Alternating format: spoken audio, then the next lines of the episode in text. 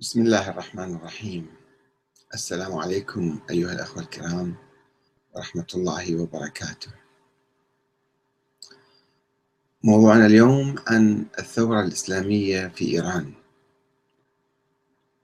والتحولات الفكرية الجذرية التي حدثت في الفكر السياسي الشيعي. وعنوان هذه الحلقة الشيعة من الحجتية إلى الخمينية. هل جسد الإمام الخميني فكرة المهدي الإمام المهدي؟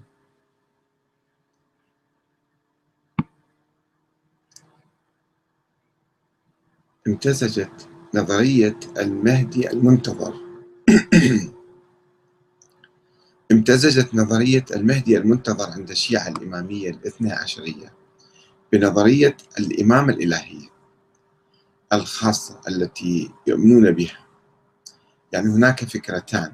فكرة الإمامة الإلهية القائمة على النص والعصمة والسلالة وفكرة المهدي المنتظر التي كانت رائجة وعامة ومتعددة في القرون الأولى.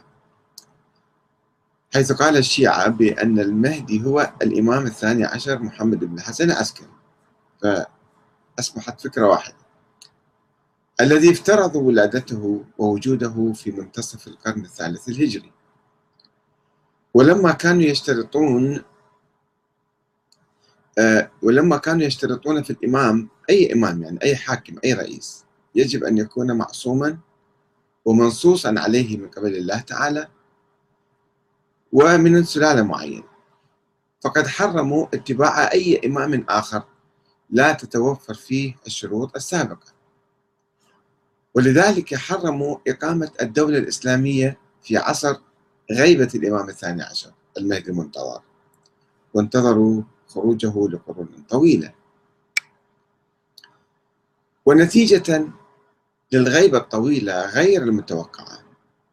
يعني كانوا يتوقعون أن المهدي سوف يخرج خلال سنوات أو خلال مثلا عشرات من السنين. ولكن هذه الغيبة امتدت أكثر من ألف عام. نتيجة لذلك نشأت لديهم نظريات التفافية على موضوع المهدي والإمام المعصوم الذي لم يخرج ومحاولات للخروج من حالة الغيبة اللا طبيعية التي دخل الشيعة فيها. لم يغب الإمام المهدي إنما الشيعة غابوا عن مسرح السياسة والتاريخ. وكانت نظرية النيابة العامة للفقهاء عن الإمام المهدي إحدى تلك النظريات. التي نشأت في القرون الأخيرة. أن كل فقيه هو نائب عام عن الإمام فيحق له أن يقيم دولة أو يحكم أو يطبق الشريعة أو ما إلى ذلك. وخاصة في العهد الصفوي في إيران حيث أخذ بعض الفقهاء كالشيخ علي عبد العالي الكركي.